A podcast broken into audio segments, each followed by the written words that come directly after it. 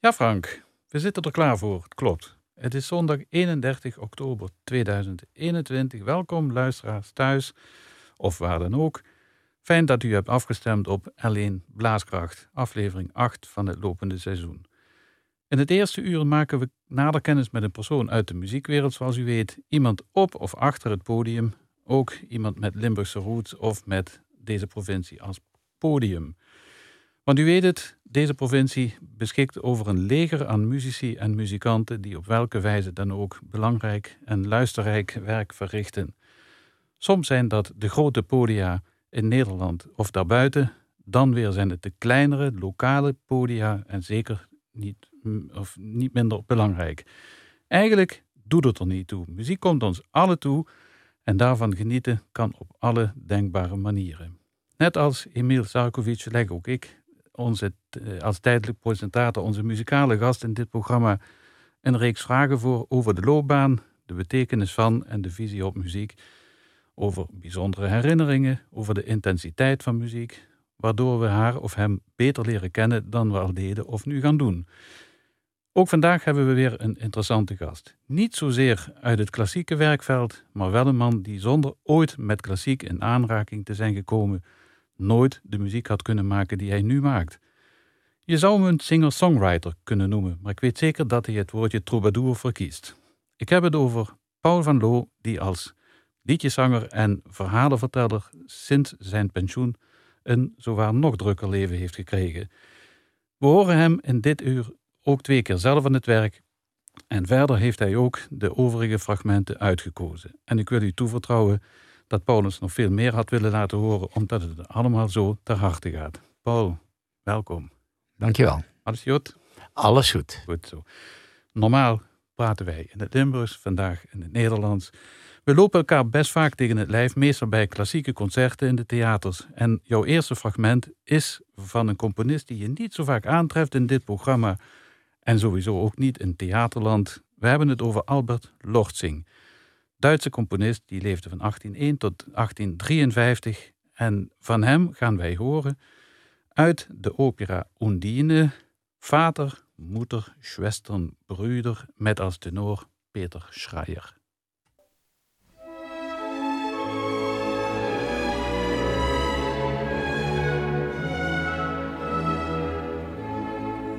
Vater, Mutter, Schwestern, Brüder, hab ich auf der Welt nicht mehr, kehrt ich auch zur Heimat wieder, fänd ich alles öd und leer. Ja, wenn nur noch eins am Liebe, das sollt eine Freude geben, das sollt eine Freude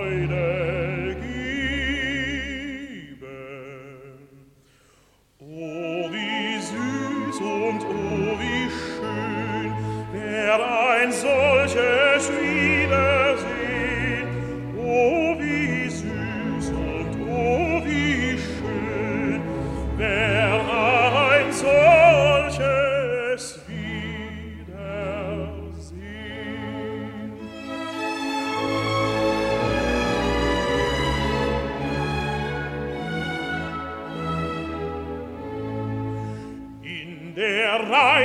Reichsstadt traf ich neulich einen dicken Schenkwirt an. Freundchen, rief er, nicht so eilig, seid so gut und kommt heran. Geld, ihr wisst, wovon ich spreche, zahlt mir jetzt die schuld'ge Zeche, zahlt mir jetzt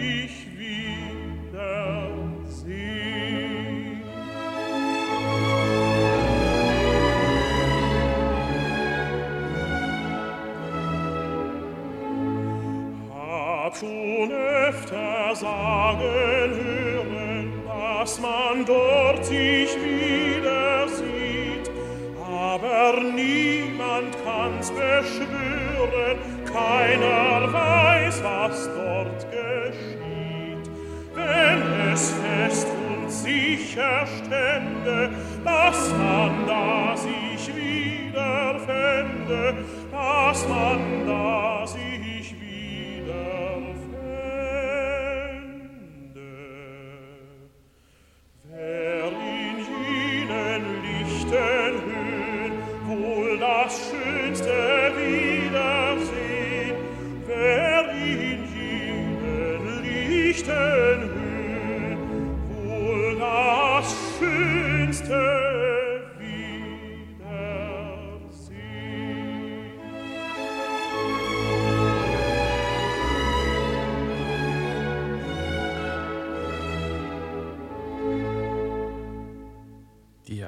eerste fragment van Paul van Loo was dus Vater, Moeder, Schwestern, Brüder uit Undine van Albert Lotzing. Paul, eventjes.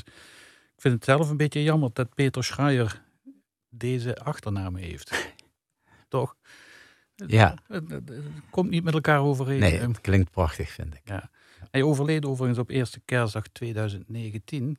En eh, een geweldige tenor. Maar we hebben het nu over jou. Paul Steek van Wal, waarom Undine? Waarom deze aria?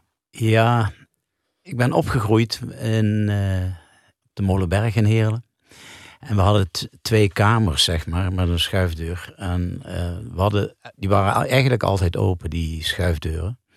En wij mochten als kinderen mochten we gewoon de hele week naar Radio Luxemburg luisteren of wat dan ook. Maar zondagmiddag, dat was Belcanto op de Belgische radio. En daar werd dit soort dingen gedraaid. En vanuit datgene wat ik daar gehoord heb, zonder me dat te realiseren, heb je toch een soort muzikale herinnering. En ja, ik ben nogal erg met teksten. En dus ik vergeet eerlijk gezegd de woorden nooit zo helemaal. Dus ik ken altijd nog wel flinke stukken tekst uit die Duitse operas. Dat ging dan nog wel. En eh, later ontdekte ik eigenlijk dat hoe mooi de hele opera was, doordat ik een LP ervan kocht. Toen der tijd nog. En nog veel gekker is natuurlijk dat toen mijn vader overleed, dat mijn broers en zussen zeiden: Nou, de muziek die is voor jou, neem dat maar mee. En we hadden zeven precies dezelfde opnames van opera's. Hm. Onder andere Undine. Ja. En daarom, en mede ook omdat mijn broer laatst nog eens zei: van dat was toch zo'n mooi liedje, wat was dat ook alweer? Dat ik zei: van dat weet ik. Ja, ja. En hem dat kon laten horen. Zeg, en die, die, die Lortzingen, ik heb het net al even aangekondigd, die overigens ook weer in dat Oost-Duitse gebied leefde en veel in Leipzig Ja. eh, in première zag gaan. Die kennen we eigenlijk uitsluitend van Tsar und Zimmermann, Der Waffenschmied Ja. en Undine. Ja. En toch lijkt hij in operaland naar de achtergrond te zijn verdwenen. Is hij, zou dat komen, denk je, omdat hij misschien een beetje te zacht liefelijk is? Nou, in zijn algemeenheid kun je zeggen dat de Duitse, Duitsstalige opera's sowieso aan, eh, aan invloed hebben verloren. Dat vind ik wel, wel jammer. Want wij gingen ook als eh, leerlingen van de middelbare school naar Aken, naar de Freischutz. Ja, ja. Dus ik bedoel, dat soort dingen, daar zijn wij wel mee opgegroeid. Maar ik denk dat de Frei- Freischutz Weber. ook, eh, ja, ja, ja, Weber, eh, dat is ook eh, niet bekend meer. Dat wordt ook niet meer gedraaid. Ik vind dat wel erg jammer eigenlijk. er is best wel een beetje een overkill aan bepaalde titels. Ja. Dat vind ik persoonlijk jammer, waardoor anderen weer wat minder Ja. in beeld komen. Ja, goed, zo is eigenlijk ook het hele fenomeen van de operette Oh ja. verdwenen. hè. Ja, dat is sowieso heel erg jammer. Want eh, heel veel mensen associëren operetten met een beetje domme muziek of zo. Hmm. Dat is de grootste flauwekul die er bestaat. Want ik heb nogal aardig wat operettenmuziek die ik ontzettend mooi vind. Omdat je dan natuurlijk eh, uit zo'n operette alleen maar de muziekscènes Mhm. hoort. Wat daartussenin als eh, toneel zat, ja, dat was niet zo relevant voor ons. Dat is wel een beetje jammer.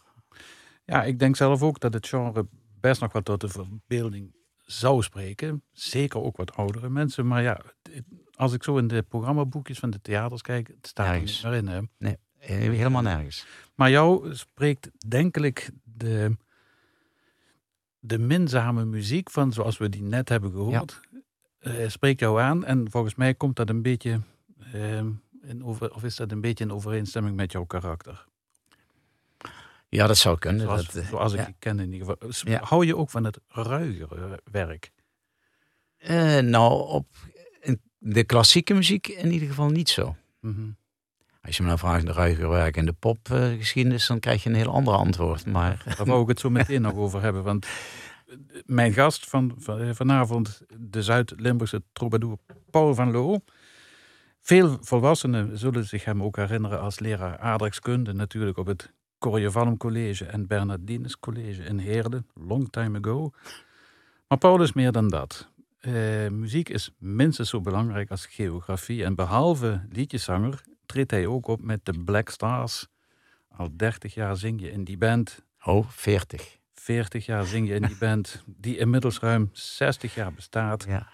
Rock voor de 60 en 70 plusser, wereldberoemd in Parkstad Limburg. Je bent nog altijd geïnspireerd en je kunt niet zonder, neem ik aan. Nee, het is geweldig om te doen. Ik vind het ook altijd heel erg grappig, met name mensen die me uit de Limburgse sferen kent van de rustige luisterliedjes.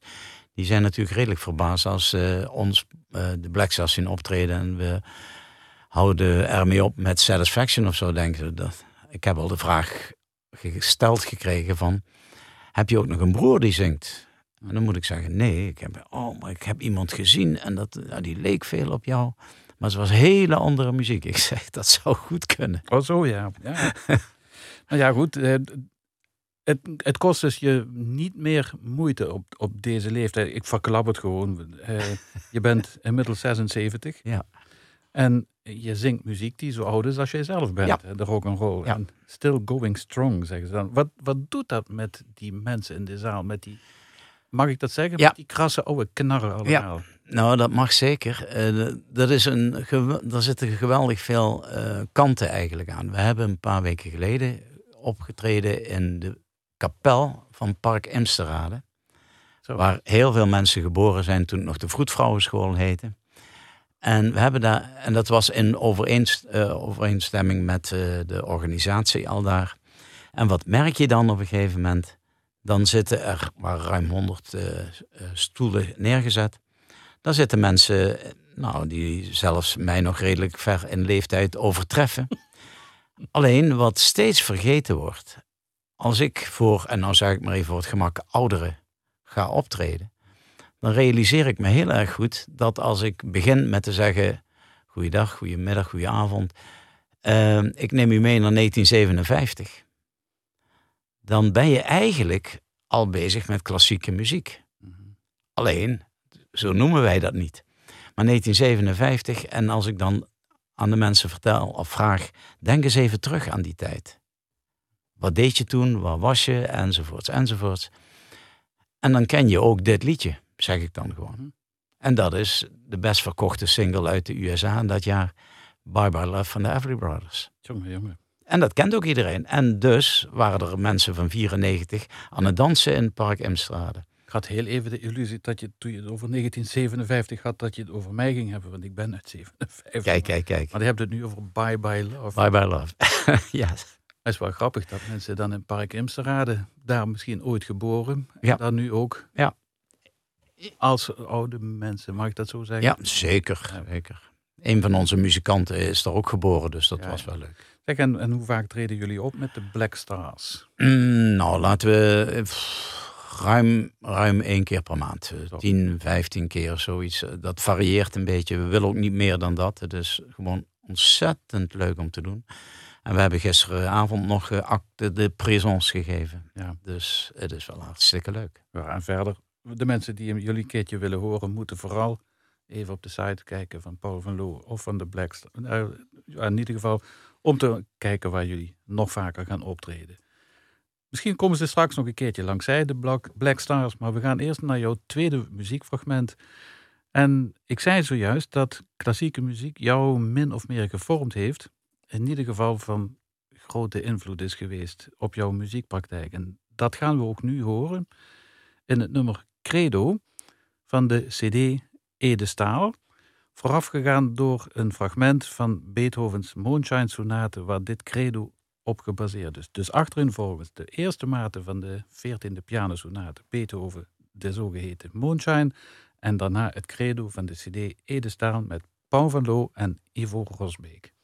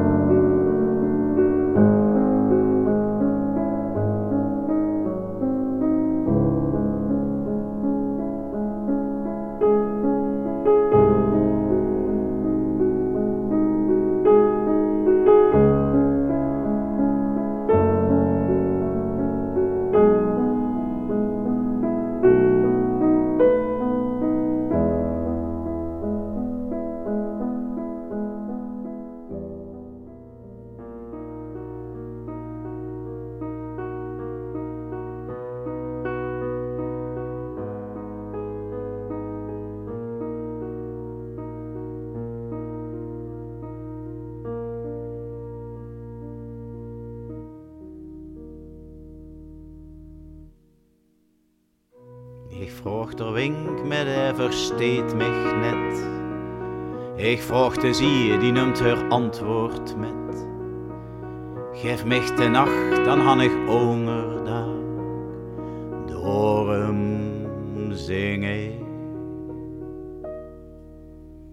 Ik zie de vugel tegen de avondlog.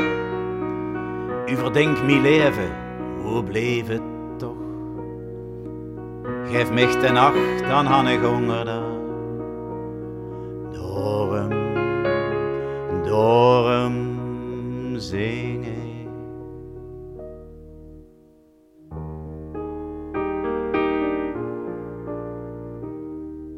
Ik weet er is een tijd van komen en ogen een tijd van gaan. En alles wat er tussen ligt, ja dat is mijn bestaan. Voor de ene doet het leven te kort voor de andere veel te lang. Der inne is blij als het zo is, en de andere die is bang. Ik mis dich niet meer bij mij binnen, ik huiver van de kou. En in mijn menselijkheid vroeg ik me af, waarom zo jong, zo gauw.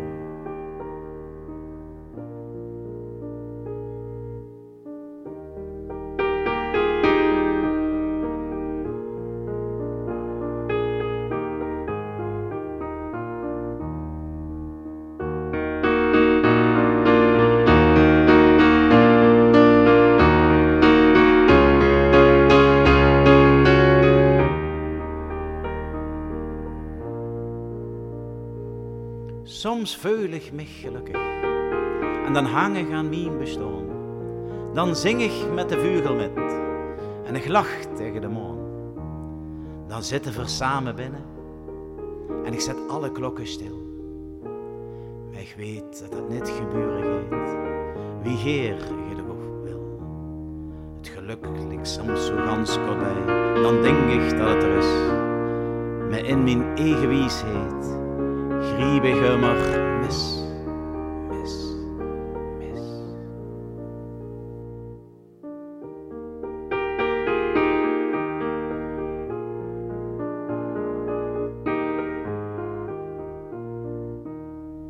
Ik weet er is een tijd van komen en ogen een tijd van gaan. En alles wat door tussen ligt, ja dat is os bestaan.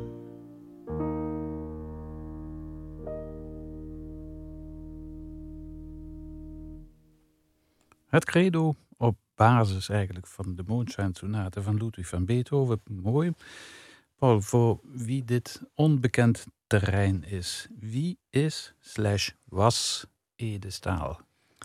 Ede Staal is Groningse zanger die ook zijn eigen liedjes schreef, ook de teksten. Oorspronkelijk deed hij dat in het Engels. Hij was ook leraar Engels trouwens. Maar is op een gegeven moment overgegaan naar het Groningse, de, de Groningse taal. En het is een absoluut toeval dat ik hem ben tegengekomen. Want uh, bij de film De Poolse Bruid die speelt op het platteland van Groningen, hoor ik op een gegeven moment een prachtig stukje muziek waarvan ik denk, wat zou dat toch zijn? Eh, ik had toen nog niks met computers en nog steeds niet. De, de, mijn zoektocht was eh, redelijk nutteloos. En dan eh, gebeurt er op een gegeven moment iets geks. Een, iemand overlijdt in Landgraaf. En daar wordt een lied van die film, uit die film, gedraaid. En denk je, dat kan toch niet waar zijn? Hm. Toen ben ik pas erachter gekomen dat, wie Ede Staal eigenlijk was. Uh, en uiteindelijk ook dat hij al in 1986 overleden is.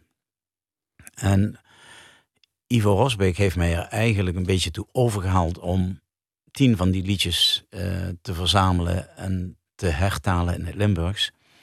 En hij heeft dat ook uh, opgenomen. Hij was ook de man die die Moonshine Sonate verbinding maakte. Want dat wist ik helemaal niet. Voordat hij begon dacht ik, wat krijgen we nou? Want in het origineel zit dat niet zo heel duidelijk als in de versie van ons. En ik vond het een prachtige vondst van Ivo. Mm Hij was er zelf dus ook heel blij mee. Maar ehm, om die cd uit te brengen, dat was een heel verhaal natuurlijk. Dan krijg je met Buma en weet ik wat allemaal in mijn platenmaatschappijen. Nou, daar had ik geen verstand van en daar had ik ook geen zin in eigenlijk. Maar uiteindelijk is het dan zo dat ehm, de weduwe van Ede vond onze CD zo mooi dat ze er geen enkel probleem had, mee had als het werd uitgegeven.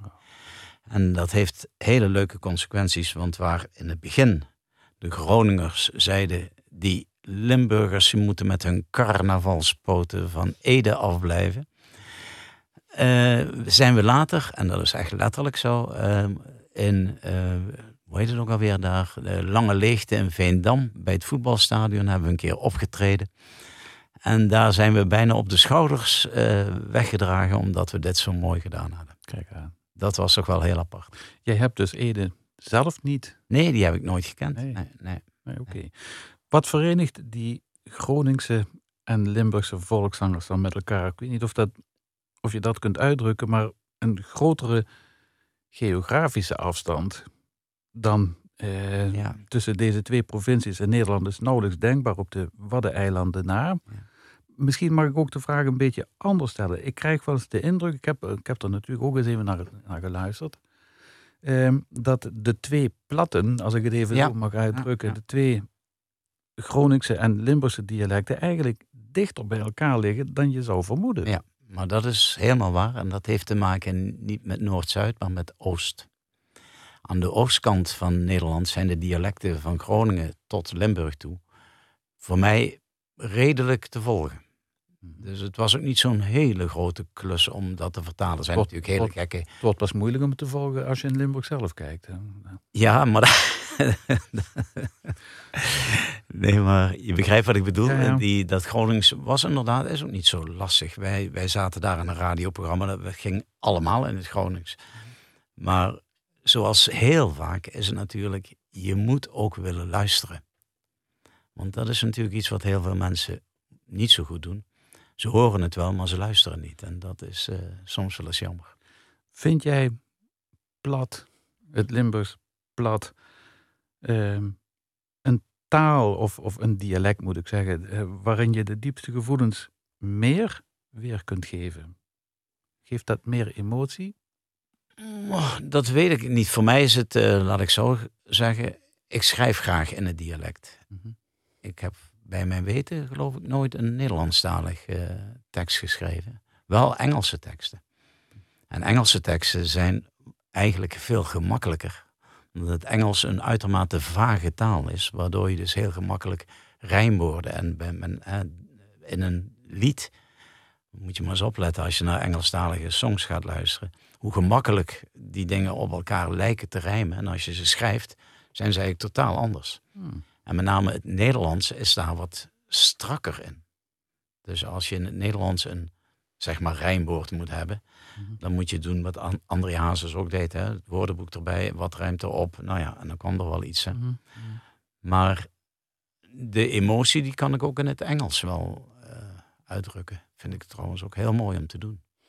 Ja, je hebt op een gegeven moment kennis gemaakt met de Engelstalige rock and roll via jouw broers en via Radio Luxemburg. Luxemburg, ja. ja. maar toch fijn dat je de, dat credo nog heel eventjes. Ja. Dat gaat over het lief en leed tussen het begin en het eind, tussen de geboorte en de dood. En eh, dat zegt iets over hoe jij erin staat. hè. Ja, bij dit lied was dat wel heel specifiek, want dat wist ik dus allemaal niet toen ik dit voor het eerst hoorde.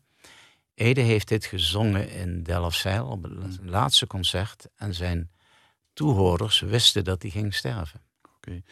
Gaan we het dadelijk over hebben, Paul. Ik heb ook nog een vraag daarover. Eh, maar we gaan eerst naar eh, ja, een absolute jeugdherinnering van je. Eh, zo heb je me in het voorgesprek eventjes laten doorschemeren. Je hecht heel erg aan warme herinneringen, is me bekend. En daarom vroeg je of je twee Wiegenlieder mocht laten horen... die veel voor jou betekenen in de herinnering... en, en ook blijven voortleven natuurlijk. Hè. Ik stel voor dat we ze eerst even gaan horen en daarna vernemen we graag eh, wat ze voor jou betekenen. En u thuis en wij hier gaan nu luisteren naar Goedenavond, Goednacht, gezongen door Ingeborg Dans en dat is van Brahms. En daarna Schlafe, Schlafeholder, Süßer Knabe door Britta Schwarz en dat is een wiegenlied van Frans Schubert.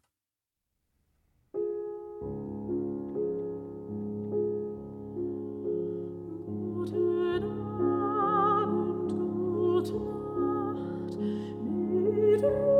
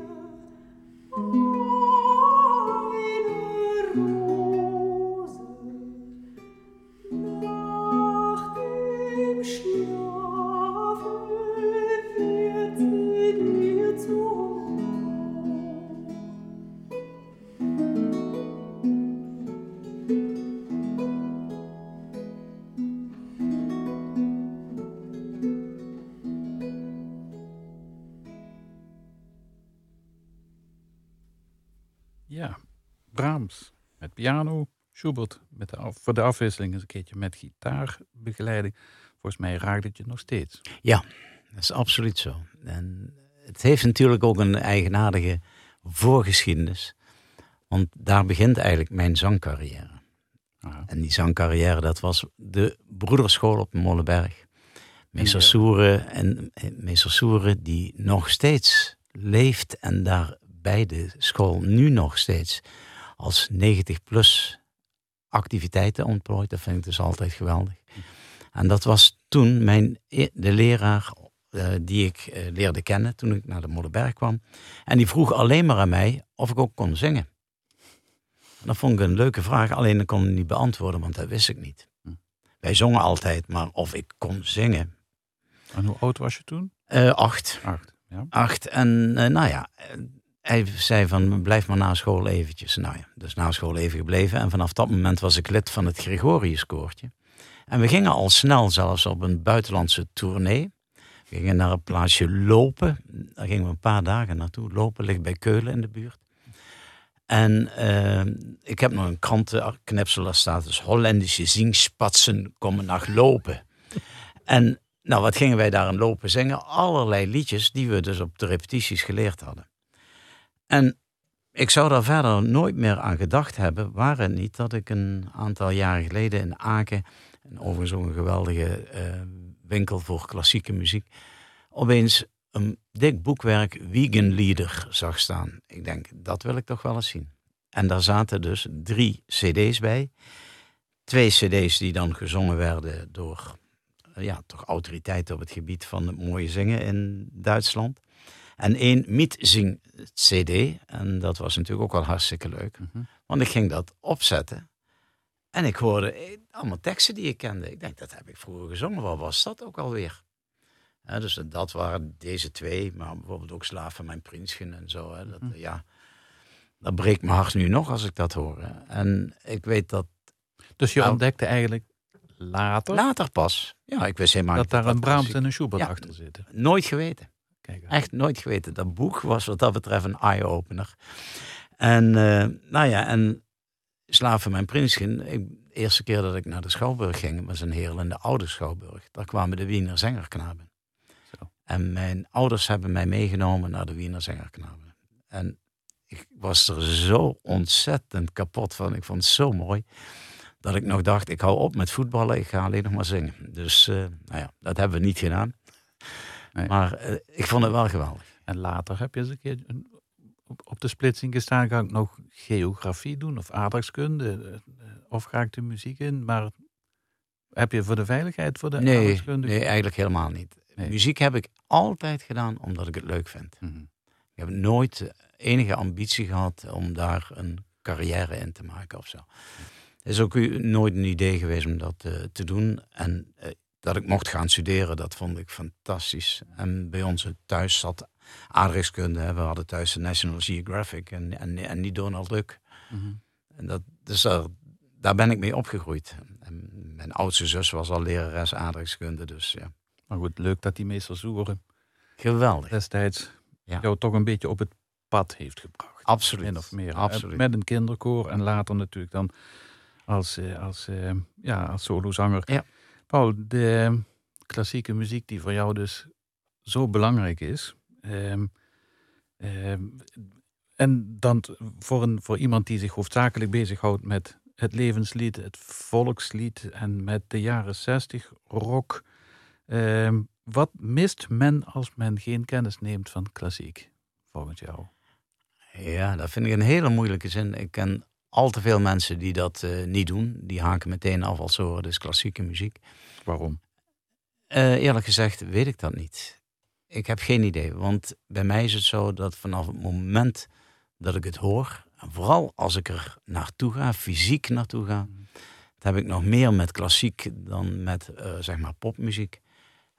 Klassieke muziek, als ik ook naar de Schouwburg ga, dan dompel ik me helemaal onder in, in schoonheid. En ja, dat vind ik prachtig om te doen. Hoeveel, hoeveel concerten bezoeken jij en Marlijn eigenlijk zo per jaar? Ja, dat zijn er aardig wat. Ik heb geen idee, maar we, we gaan heel vaak. En eh, omdat we het zo alle twee gelukkig heel erg leuk vinden. Oké.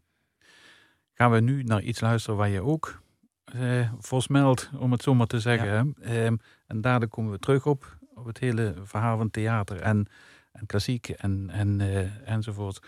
Welke concerten dat je bezoekt en waar eventueel een voorkeur naar uitgaat. Maar we gaan eerst naar het volgende eh, muziekfragment. Ik denk dat je daar heel veel mensen plezier mee doet.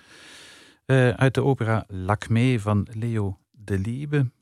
Er zijn trouwens mensen die spreken dat uit als Delibes, maar dat moet je niet doen. Het is Leo de Liebe. En wel Viens Malika, beter bekend als het bloemenduet uit die opera van de Liebe, gezongen door Joan Sutherland en Jane Barbier.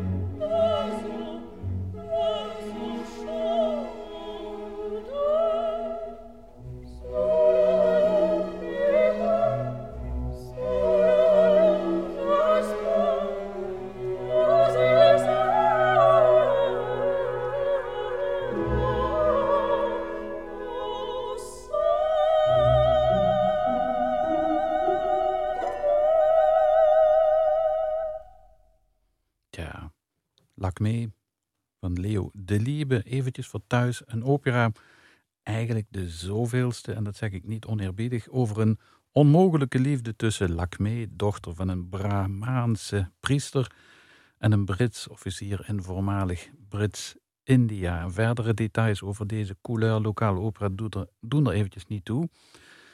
Maar eh, Paul, jij, deze barcarolle, dit grondenliedje, wat het uiteindelijk is, gezongen door een sopraan en een mezzo-sopraan. Eh, wat wil je erover kwijt? Nou, het enige wat ik er eigenlijk over kwijt wil en kan, is dat ik er iedere keer door geraakt word. Iedere keer als ik het hoor, dan denk ik, jezus, wat is het toch verschrikkelijk mooi. Mhm.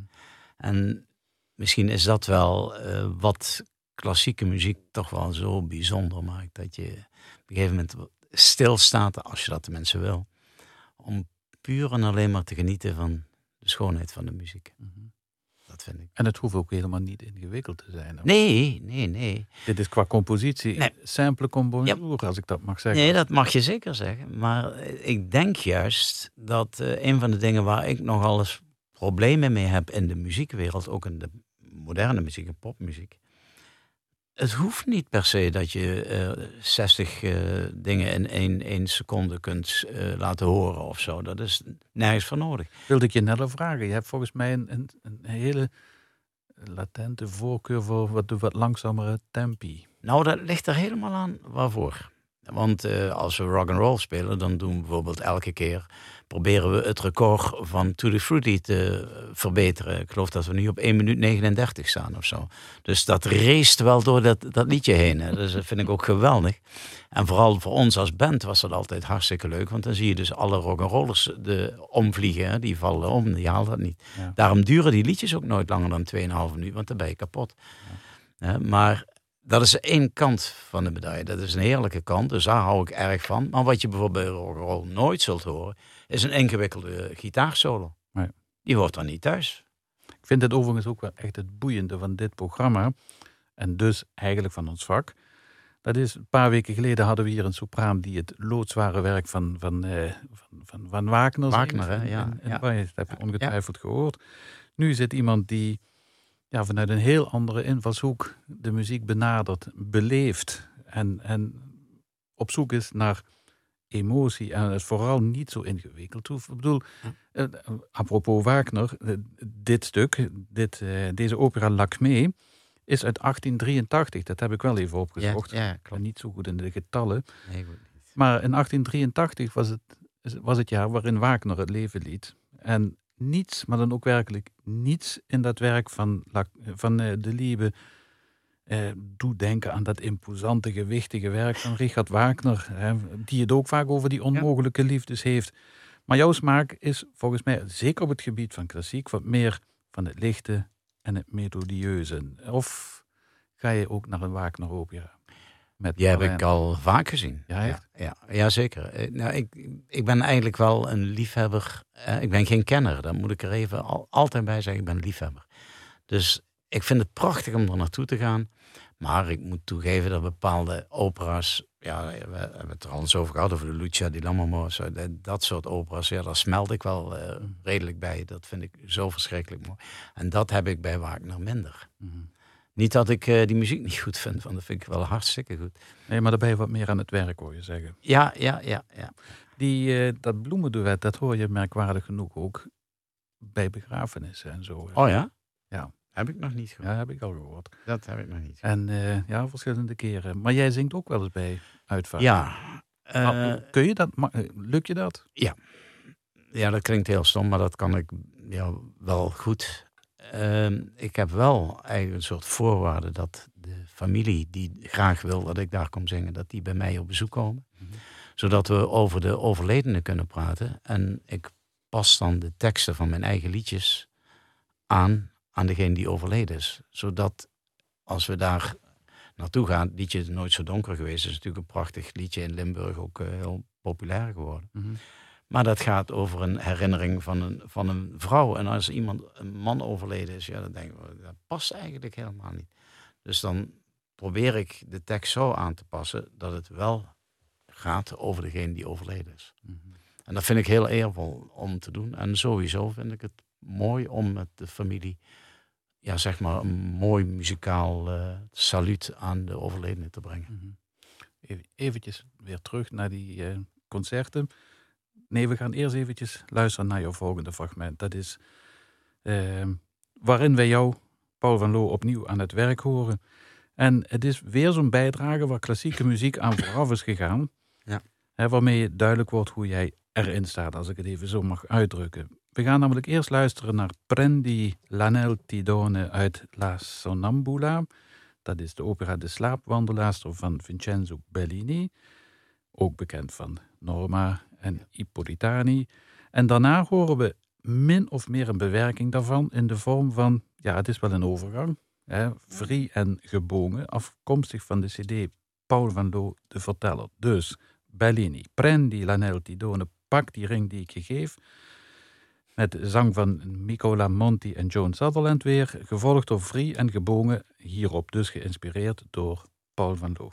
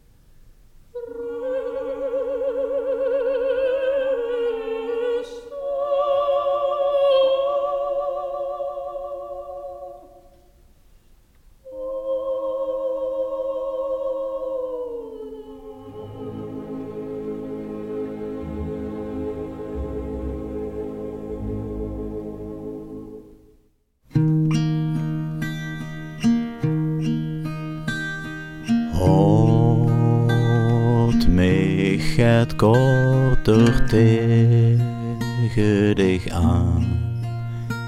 Mijn grootste verlangen, wie het vervult, als ik hier zo bij dich ben.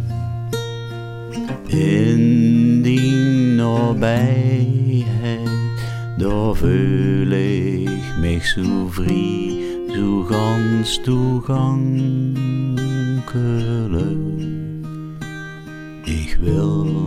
Mijzelf zoeken aan dich laten zien.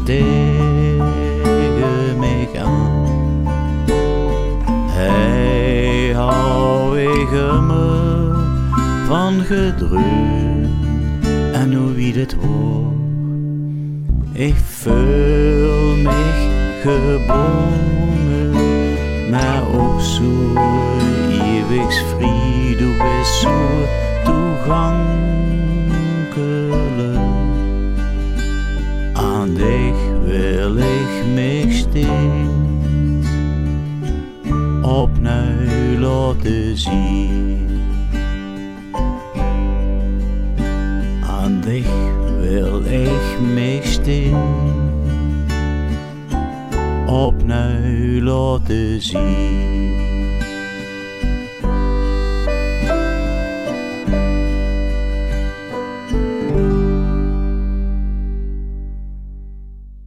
Tja.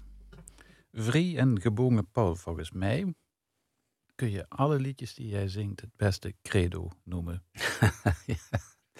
Ja, dat eh, kan ik me voorstellen.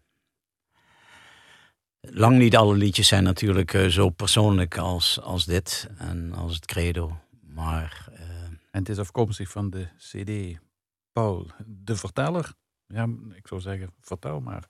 ja, nou ja, mooier, mooier eh, als dit kan ik het me eigenlijk niet voorstellen. Als je zo mooi die scène uit La Sonambula gezongen hoort. Ja, dan ben ik eigenlijk weg. Dan, nu, iedere keer, nu zelfs weer. Dan, eh, Volgens mij kun je best makkelijk huilen. eh, tranen in de ogen, dat gaat eh, redelijk makkelijk, ja. ja. Ook, in de, ook in de Schouwburg. Ja. Dus als er komen voorstellingen, ik heb er nog pas wat gezien en dan denk je, gehoord, denk je, hoe is het mogelijk? Wat was het laatste wat je hoorde? Let's Kamerkoor. Radiokoor. Radiokoor, Ja. ja. LRC, ja, ja, ja. Radio. Toevallig, daar ben ik ook geweest. Vond je het ook zo bijzonder? Dat vond ik onwaarschijnlijk mooi. Dat is eigenlijk wat stemmen kunnen doen. Dat zijn schilderijen eigenlijk. Schilderijen, maar dan van muziek gemaakt. En wat ik daar zo ongelooflijk knap in vond, is dat je de ruimtelijkheid ervaart. Ja. Dat is, je bent in een ruimte, in een ja, bijna kale ruimte, en je hoort die klanken binnenkomen. Het moet zo gemaakt zijn. Het Het enige, het enige wat ontbrak, en dat is natuurlijk vreemd om te zeggen, maar dat is de, de akoestiek van een kathedraal. Hè. Ja, ja, ja. ja. Maar die grote ruimte en dat soort dingen ben ik helemaal met je eens. Ja, je bezoekt al die concerten met je vrouw. Ehm, heb je, een, heb je een, een stiekem voorkeur ergens diep in je hart? Eh, ga je voor het symfonische werk, kamermuziek, liedrecital, weet ik wat? Ja, nou, eigenlijk alles wat je noemt, daar ga ik graag naartoe. Ja. Maar ik laat me ook graag verrassen. Ik heb me dus een paar weken geleden laten verrassen door naar I Movrini te gaan. Ja. Een, eh, een groep uit Corsica. Die in de, En het Corsicaans en ook zo nu en dan het Frans. Fantastisch stonden te, te zingen. Vier stemmen. En dan een eenvoudige, maar goede band erbij. En dat was echt zoiets waarvan ik dacht... Je loopt in Corsica rond, je loopt in een dal... en op een berg, richel, daar staan vier van die kerels. Die staan daar gewoon te zingen wat de natuur hun heeft geleerd. Ja. Dus geen geschoolde stemmen, maar super mooi. Ja. Super. Oh, heb je ook wel eens, heel kort nog, hè, want we gaan langzamerhand Hm. richting afronding van het programma. Heb je ook wel eens een concert bijgewoond dat je dacht, hoe lang duurt dit nog? Nee, het enige waar we ooit... Ik wel trouwens. Ja, jawel. nou, het enige waar, waar we ooit in de pauze zijn weggegaan, dat was doodzonde eigenlijk. Dat was namelijk een operette in Kerkrade. Is wel al zeker twintig jaar geleden of nog langer. Maar het was zo miserabel gespeeld, het geheel, dat je dacht van ja, dit kan ik niet volhouden.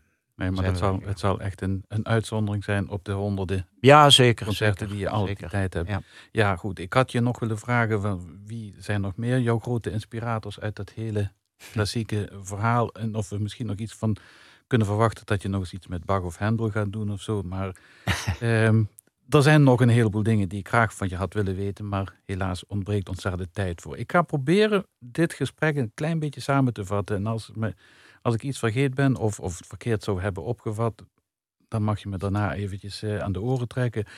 Ik denk dat jij de, eh, de natuurlijkheid van het leven waardeert. Je bent een heel gevoelig type. Het is radio en jammer genoeg geen televisie, anders kon u het allemaal zien thuis.